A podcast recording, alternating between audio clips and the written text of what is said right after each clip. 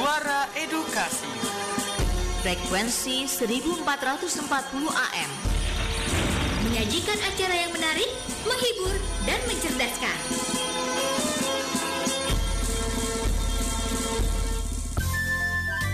Waktu berputar dan perjalanan peristiwa pun berjalan. Ikuti terus info edukasi, sebuah informasi pendidikan dari Radio Edukasi. Info Edukasi, informasi pendidikan Radio Edukasi. Info Edukasi di 1440 AM akrab dan mencerdaskan bisa didengarkan di laman suaraedukasi.kemdikbud.go.id. Baik, info edukasi kita langsung saja mulai informasi-informasi terupdate dari dunia pendidikan dan tentunya Agung Ramadi sama-sama terus uh, mengajak sahabat edukasi di luar sana untuk mematuhi protokol kesehatan, melakukan hal 3M, menggunakan masker, mencuci tangan, menjaga jarak jadi keseharian kita tentunya di masa pandemi ini dan jadi bagian bahwa kita harus tetap um, harus tetap menjaga itu semua agar kita terhindar dari pandemi atau wabah COVID-19 ini. Baik, info edukasi kita langsung saja mulai dengan informasi yang pertama. Info edu. Pusdiklat Kemendikbud menyelenggarakan PKN tingkat 2 tahun 2021 di mana dalam rangka meningkatkan kompetensi kepemimpinan strategis pejabat eselon 2 di lingkungan Kementerian Pendidikan dan Kebudayaan, Pusat Pendidikan dan Pelatihan Pusdiklat Pegawai ini menyelenggarakan pelatihan kepemimpinan nasional atau PKN tingkat 2 angkatan 6 tahun 2021 di 23 Maret kemarin. Pelatihan ini mengangkat tema membangun kepemimpinan strategis untuk mewujudkan layanan pendidikan yang unggul dan diselenggarakan agar tentunya SDM SDM Kemendikbud lebih menguasai kompetensi kepemimpinan strategis. Mendikbud Nadim Anwar Makarim saat uh, melakukan pembukaan dan juga papa uh, sambutan di pembukaan acara tersebut mengatakan salah satu langkah yang harus dilakukan adalah membekali para pejabat pimpinan tinggi Pratama dengan kompetensi kepemimpinan yang strategis. Pemimpin yang mampu memberikan arah dan inspirasi yang diperlukan dalam melaksanakan visi, misi, organisasi, dan strategi untuk mencapai tujuan organisasi. Penyelenggaraan PKN tingkat 2 ini bertujuan untuk mengembangkan kompetensi peserta dalam rangka memenuhi standar kompetensi manajerial JPT Pratama. Kompetensi yang dikembangkan dalam PKN tingkat 2 ini merupakan kompetensi kepemimpinan strategis, yaitu kompetensi yang manajerial peserta untuk menjamin akuntabilitas jabatan, Mendikbud juga mengungkapkan melalui daring tentunya bahwa Indonesia sedang menghadapi tantangan global megatrend dan di mana ini terjadi perubahan besar di bidang ekonomi, sosial, politik, geostrategi, dan teknologi yang akan berdampak terhadap kebutuhan dan struktur pasar energi global. Indonesia harus menyiapkan berbagai langkah untuk mengantisipasi setiap perubahan tersebut dari mulai konvergensi konvergensi teknologi dan juga disrupsi digitalnya yang dapat mengimbas pada banyak aspek kehidupan.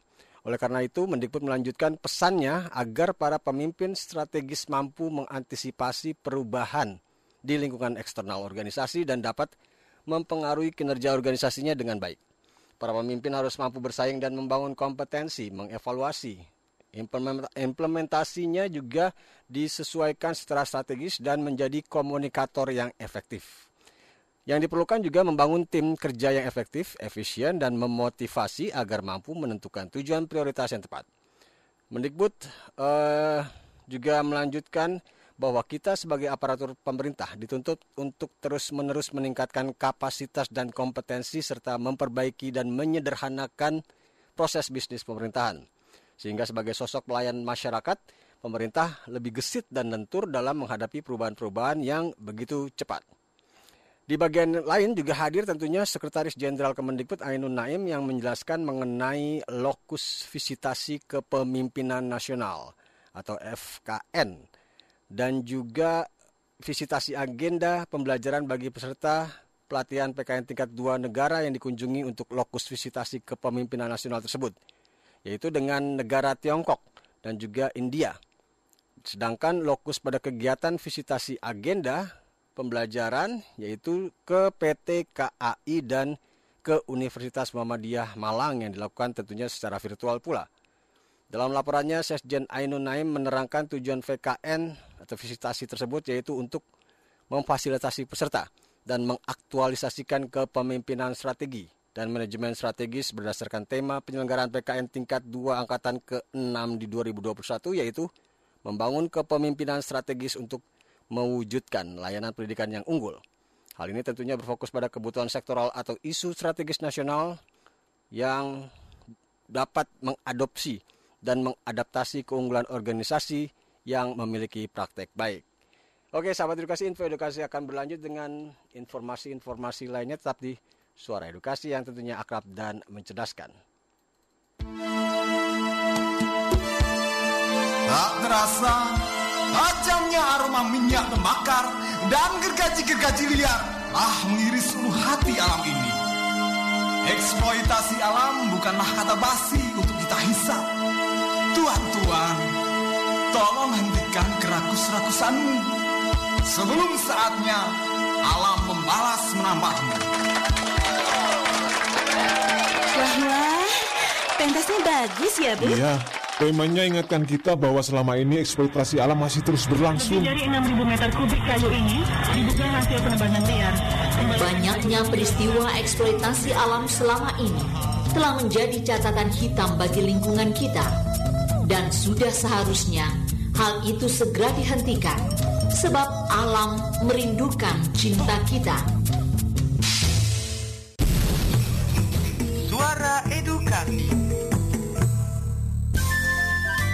Waktu berputar dan perjalanan peristiwa pun berjalan.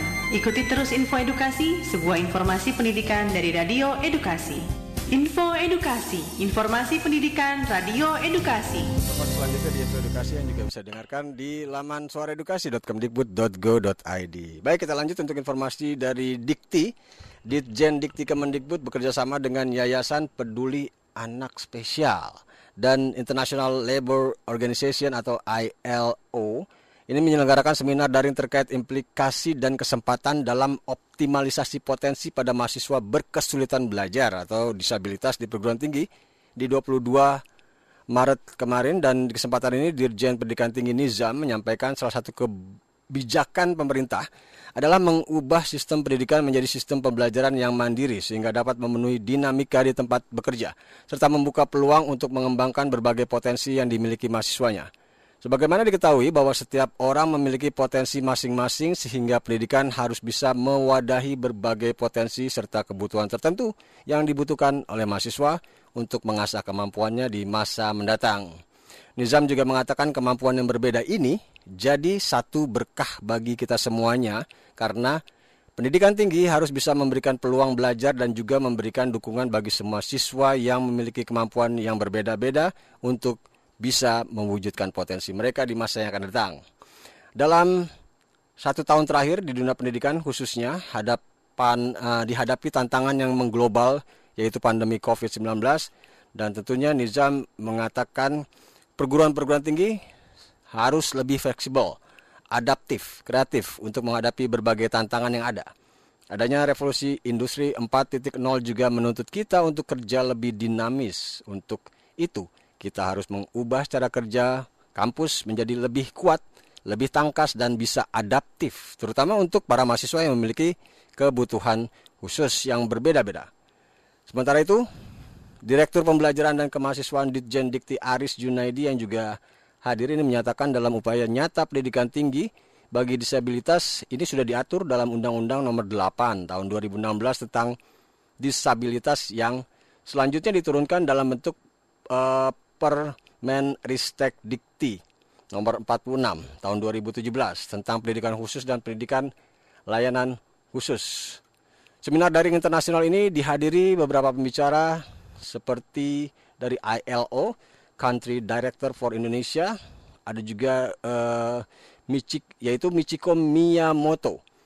Ada juga ILO Senior Disability Specialist Geneva, Esteban Tromel, dan juga tentunya uh, hadir pula expert on special education from India Jayanti Narayan lalu juga pembina mahasiswa berkesulitan belajar di Universitas Tarumanegara Julius Andi lalu hadir perwakilan dari YPAS Agus Surjana dan unit layanan disabilitas dari Universitas 11 Maret yaitu Joko Yuwono.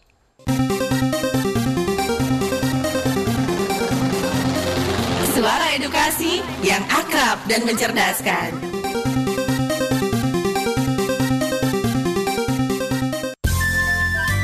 Waktu berputar dan perjalanan peristiwa pun berjalan.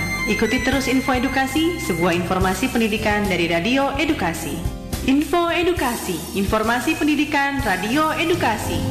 Masih dari Jalan Geraha, eh, Jalan RM Marta di Nata Ciputat Gedung Geraha Media Pusdatin Kemendikbud, suara edukasi disiarkan secara langsung dan juga bisa didengarkan di laman suaraedukasi.kemdikbud.go.id. Dan tentunya masih info dari Ditjen Dikti, Direktorat Jenderal Pendidikan Tinggi Kementerian Pendidikan dan Kebudayaan yang menjalin kerjasama dengan University of Waterloo, Kanada. Yang hal ini ditandai dengan penandatanganan Memorandum of Understanding atau MOU antara Ditjen Dikti dan University Waterloo yang dilaksanakan secara virtual 23 Maret kemarin Hadir Direktur Jenderal Pendidikan Tinggi Nizam mengatakan bahwa kerjasama ini bertujuan untuk mendukung implementasi kebijakan Kampus Merdeka dan percepatan 8 indikator kinerja utama atau IKU perguruan tinggi. Nizam mengatakan sangat mengapresiasi kerjasama yang dijalin antara Ditjen Dikti dengan University of Waterloo dan melalui kerjasama ini diharapkan perguruan tinggi Indonesia dapat melakukan implementasi program Kampus Merdeka dengan University of Waterloo dan Nizam menjelaskan Indonesia memiliki lebih dari 4.613 kampus di Indonesia dengan 8,8 juta mahasiswa, 291.970 dosen dan 36.189 program studi. Tren yang ada saat ini adalah meningkatkan standar perguruan tinggi dengan meningkatkan kualitas pelatihan dan penelitian sejalan dengan tuntutan dunia usaha, dunia industri di era digital.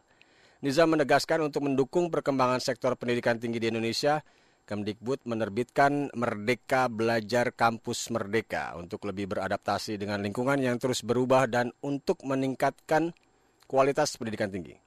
Nizam juga menjelaskan bahwa Mendikbud Nadim Anwar Makarim telah men memodernisasi pendidikan tinggi melalui program Merdeka Belajar Kampus Merdeka yang punya fokus ada ada tiga yang difokuskan yaitu meningkatkan mobilitas siswa dan pilihan belajarnya.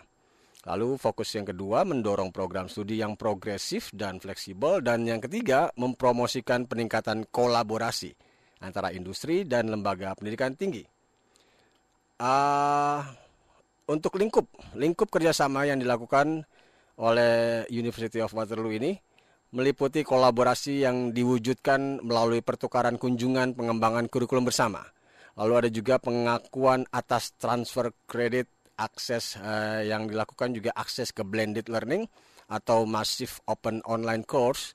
Lalu juga ada penelitian bersama dan kolaborasi internasional dan pengembangan ilmu big data juga ada proyek bersama di sektor artificial intelligence.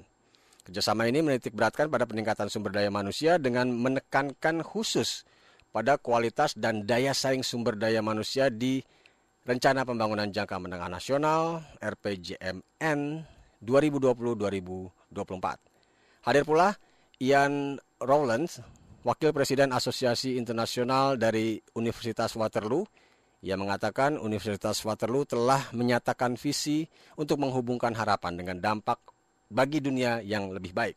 Ia juga menambahkan rencana strategis menekankan komitmen Universitas, Universitas Waterloo untuk mengembangkan pelajar berprestasi yang siap menghadapi dunia modern untuk memajukan penelitian demi kebaikan global dan memelihara komunitas yang peduli. Sehingga Roland sangat yakin bahwa kerjasama antara Indonesia dan University of Waterloo bisa berjalan dengan baik dan memenuhi komitmen yang ingin dibangun.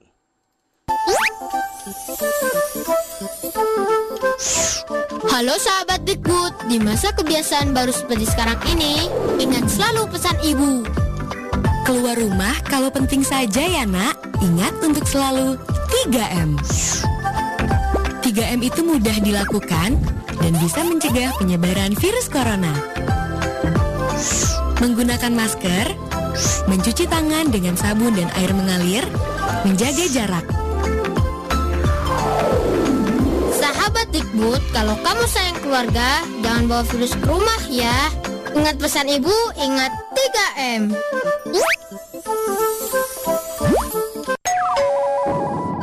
Mari mendengar sambil belajar bersama kami di Suara Edukasi.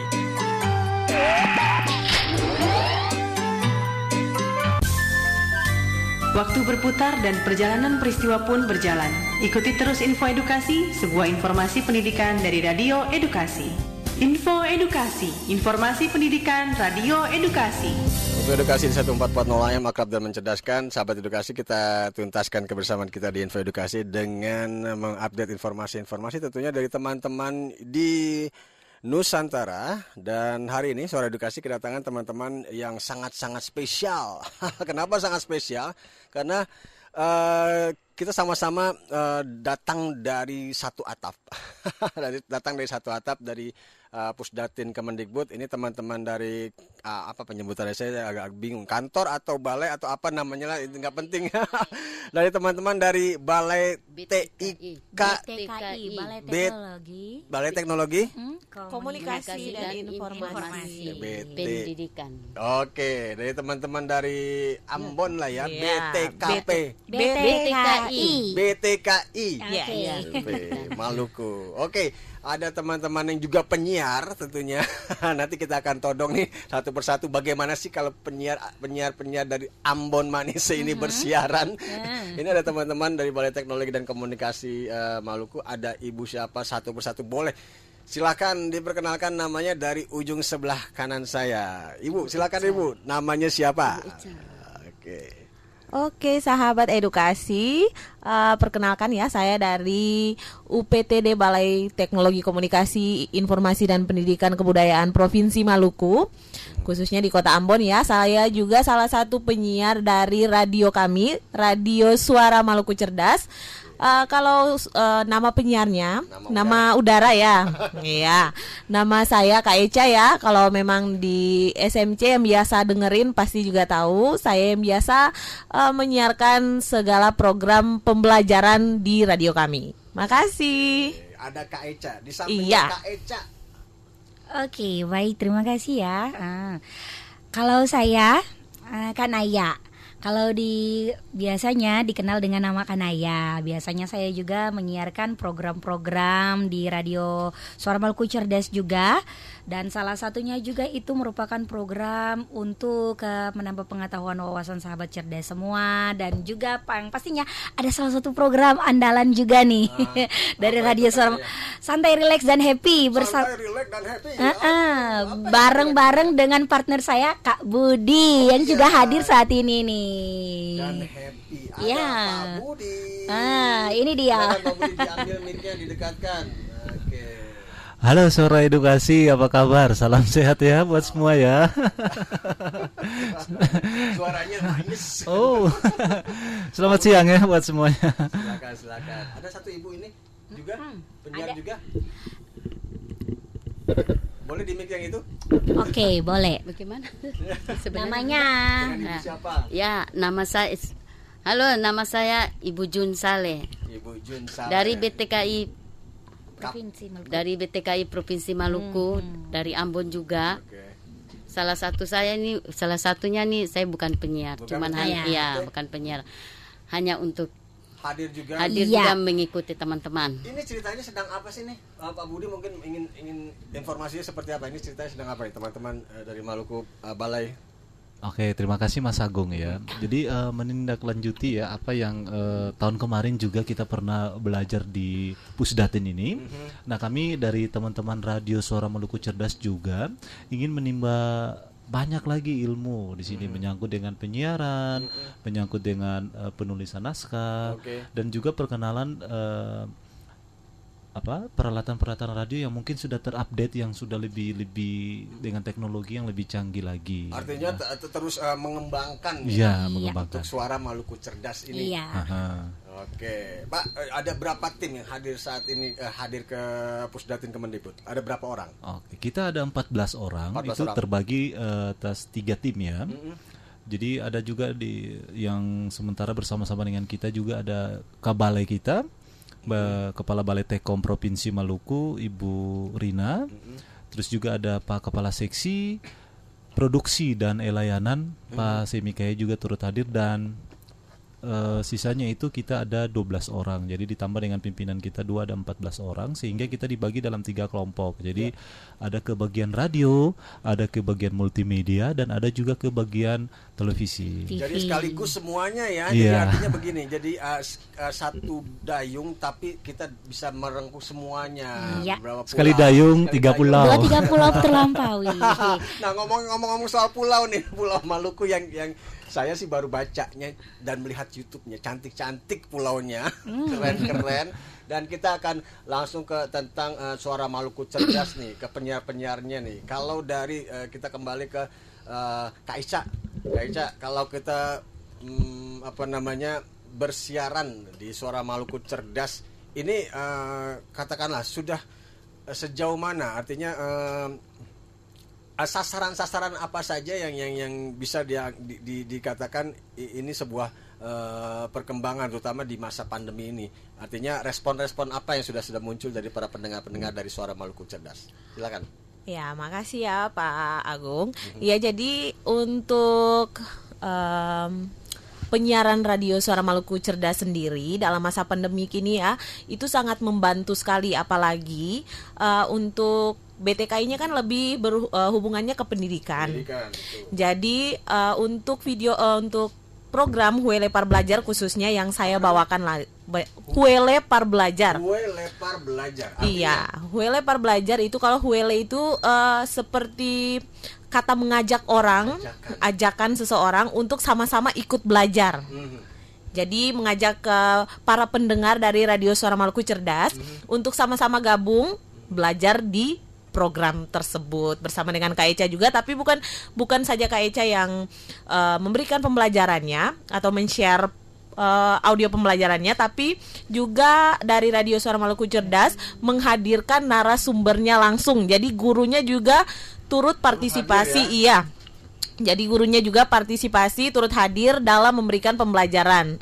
Jadi untuk em, radio Suara Maluku Cerdas sendiri untuk program Huele Par Belajar itu merangkap semua jenjang pendidikan. Jadi ada pautnya, SD-nya, SMP, SMA dan juga SMK. Jadi semuanya di backup untuk pembelajarannya di Radio Suara Maluku Cerdas. Oke. Dan sudah pasti ya untuk pembelajarannya pasti real juga ya karena melibatkan juga guru yang hadir langsung turut hadir langsung dalam penyiaran Oke. program tersebut. Sekarang santai, rileks dan happy. ini asik nih. Karena memang kalau kalau teman-teman dari Maluku ini terkenal juga uh, suasana pantainya seperti santai-santai. Santai kayak di pantai. itu dia. Kak Kanaya, ini ini eh, suasana apa yang dibangun di di segmen atau juga program santai, rileks dan happy? Oke baik. Terima kasih ya Kak eh, Pak Agung. Untuk program Santai Relax dan Happy sendiri Kita menawarkan suasana yang lebih santai. Karena dari pagi Radio Suara Maluku Cerdas sudah menghadirkan berbagai program yang di dalamnya muatan-muatannya itu terkait dengan pendidikan. Belajar. Iya, lebih berat ya. Dan di akhir uh, program akhir ini uh, biasanya kita menghadirkan lagu-lagu untuk menikma uh, para pendengar bisa menikmati da- suasana santai di sore hari. Sekaligus juga uh, para pendengar bisa ikut berinteraksi bersama-sama dengan kita dalam program ini. jam berapa ini? Jam 3 sore sampai jam 5 sore waktu Indonesia Timur. Jam sam, jam 3 Iya, sampai, jam, 5 lima sore. sore waktu Indonesia Timur. Artinya memang di masa pandemi ini eh, kita eh, apa ya namanya ya kita memang juga tetap harus eh, senang-senang bahagia ya. Harus butuh hiburan agar Betul. imunitas juga tetap bisa terjaga. Nah, capek juga ya belajar terus apalagi daring terus ya Ya, siswa-siswanya.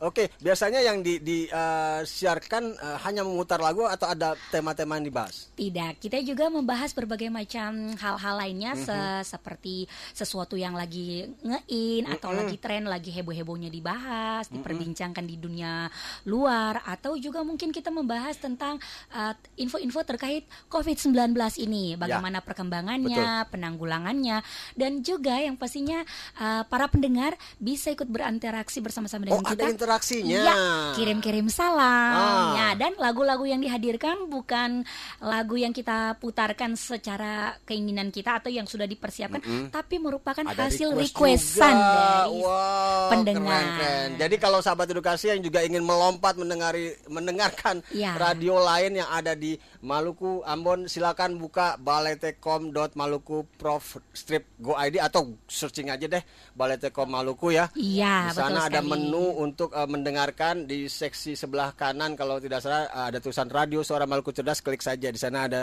eh, radio suara Maluku cerdas yang terputar. Oke, eh, sebelum kita closing eh, sebagai penutup saya ingin masih ke Kak Naya. Kak Naya kalau bicara tentang eh, apa namanya?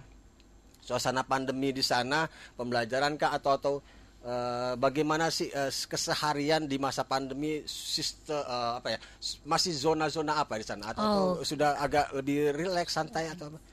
Kalau untuk awal-awal terkena pandemi memang ya eh, suasana mungkin sedikit tegang, Mhm. banyak se- work from home dan Mhm. juga sekolah juga demikian. Tapi Mhm. untuk akhir-akhir ini suasana sudah semakin lebih santai ya, Oke. karena mungkin penanggulangannya juga dari pihak pemerintah yang Mhm. sudah semakin lebih baik, Mhm. eh, vaksinasi juga sudah ada, sudah dilakukan sehingga proses-proses seperti yang tegang-tegang di awal-awal munculnya pandemi itu sudah mulai berkurang.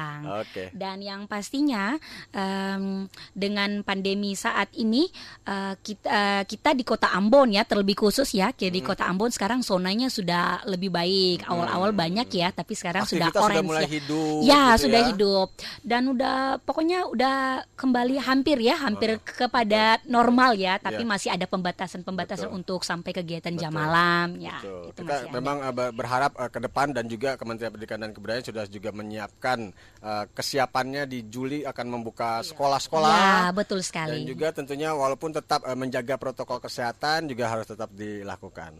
Oke, sahabat edukasi, eh, terakhir Pak Budi eh, di meja piano saja langsung boleh Ya. disampaikan pesan-pesannya untuk pendengar suara edukasi sebelum kita tutup dengan nyanyi-nyanyi karena memang teman-teman dari Maluku ini terkenal dengan suara-suara merdunya. Saya benar berharap Ibu Balai, Bu Rina hadir juga ikutan nyanyi di sini karena betul. Bu Rina nih langganan sekali nih, Itu langganan penyanyi, bernyanyi. itu Oke, Pak. penyanyi itu, Penyanyi. penyanyi balai kita. Oke, Pak Budi, silakan eh, pesan-pesannya untuk pendengar suara edukasi dan juga eh, sahabat-sahabat eh, dari eh, apa namanya suara Maluku cerdas, silakan disampaikan. Oke, makasih, Oleh-olehnya apa kira-kira Ya. yang bisa disam- dibawa dari sini? Baik, makasih. Eh, pertama eh, perlu saya sampaikan ya buat eh, seluruh insan suara pendengar suara edukasi ya di mana saja berada ya bahwa memang eh, radio ini sangat penting eh, sekali bagi kami sebagai orang tua, kami sebagai eh, siswa di sekolah di masa pandemi ini eh, memang media radio sebagai media eh, alternatif untuk menjadi media pembelajaran sekaligus juga bagi eh, pendengar suara edukasi khusus adik-adik kita yang ada di semua jenjang pendidikan mulai dari PAUD maupun sampai ke tingkat jenjang SMA dan SMK. Em, salam saya aja deh Mas Agung ya buat pendengar suara edukasi bahwa luar biasa banget suara edukasi dari Kementerian Pendidikan dan Kebudayaan Pusdat ini luar biasa banget. Eh, selalu menghadirkan program-program yang wow luar biasa banget, apalagi menyangkut dengan pendidikan anak-anak kita. Oke. Terima kasih teman-teman dari eh, Balai Tekom eh, Maluku. Nah, terima kasih sudah hadir dan sama-sama berbagi pengalaman dan ilmunya tentunya jangan kapok-kapok kita mungkin eh, akan terus hadir mungkin bareng-barengan siaran ya kali ya. Be- be- bersama siaran bareng ya join Boleh. karena memang teman-teman ini juga eh, mitra-mitra pendidikan kami yang juga terus eh, jadi apa eh, kontributor-kontributor yang terus mengupdate informasinya ke Suara Edukasi. Oke, sahabat edukasi kita tuntaskan kebersamaan kita di Info Edukasi hari ini dan sekali lagi teman-teman eh, terima kasih banyak atas kebersamaannya selain ada program lain dan kita tutup Info Edukasi dengan satu penampilan yang akan dibawakan oleh eh, di piano ada sudah Pak Budi standby dan juga ada Ibu Naya, ada juga Ibu Eca, ada juga Ibu Jun. Bu Jun akan menutup kebersamaan kita di Info Edukasi. Eh, aku Nabari pamit. Kayak Kaica pamit. Kanaya pamit. Dan ada Pak Budi di piano. Silakan, Pak Budi penutupnya.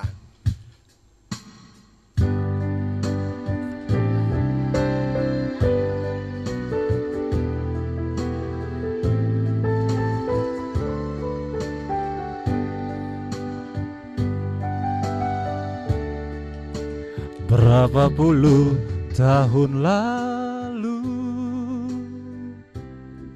Beta masih kacile Beta ingat tempo itu.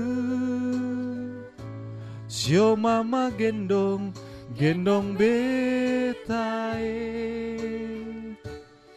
Sambil mama bakar sagu Mama menyanyi Buju-buju Lah sampai besar begini Beta terlalu lupa mama eh. Sio sio mama Beta rindu. Beta rindu mau pulang ye Sio mama eh Mama Sulia Kurus lawang ye Beta balong balas mama Mama pun capek Siodolo eh Sio tete manis eh Jaga beta pun mama eh Sio tete manis eh. Jaga beta pun mama eh.